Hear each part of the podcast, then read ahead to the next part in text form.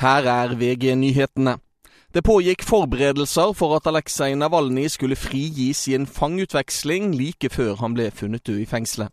Det hevder en av støttespillerne til regimekritikeren via X. Putin bestemte seg for å snu i siste øyeblikk, skriver han. En annen støttespiller sier at Navalnyj skulle løslates i bytte mot en russisk fange i et tysk fengsel. Ifølge vedkommende hadde samtalene om fangeutvekslingen pågått i to år. Reporter Andreas Hagen Haakonsen.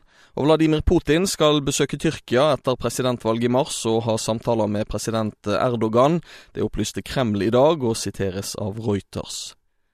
En 16 år gammel gutt er siktet for drapsforsøk etter at en 15 år gammel gutt i går ble knivstukket i Os utenfor Bergen. Den siktede vil bli avhørt i løpet av ettermiddagen. Det er ikke bestemt om han skal framstilles for varetektsfengsling, eller om han vil bli overlatt i barnevernets varetekt. Så skal vi gjøre at norsk russemusikk tar av i Japan, og flere låter er nå inne på topplisten. Reporter Selma Høgås Røen.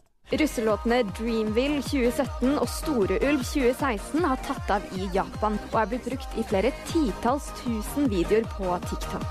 Det, er ikke noe du planlegger som artist fra Norge. Det at det hele tatt har skjedd, er uh, flaks. Sa til slutt artist André Moberg. I studio nå, Thomas Alsaker. Nyhetene får du alltid på VG.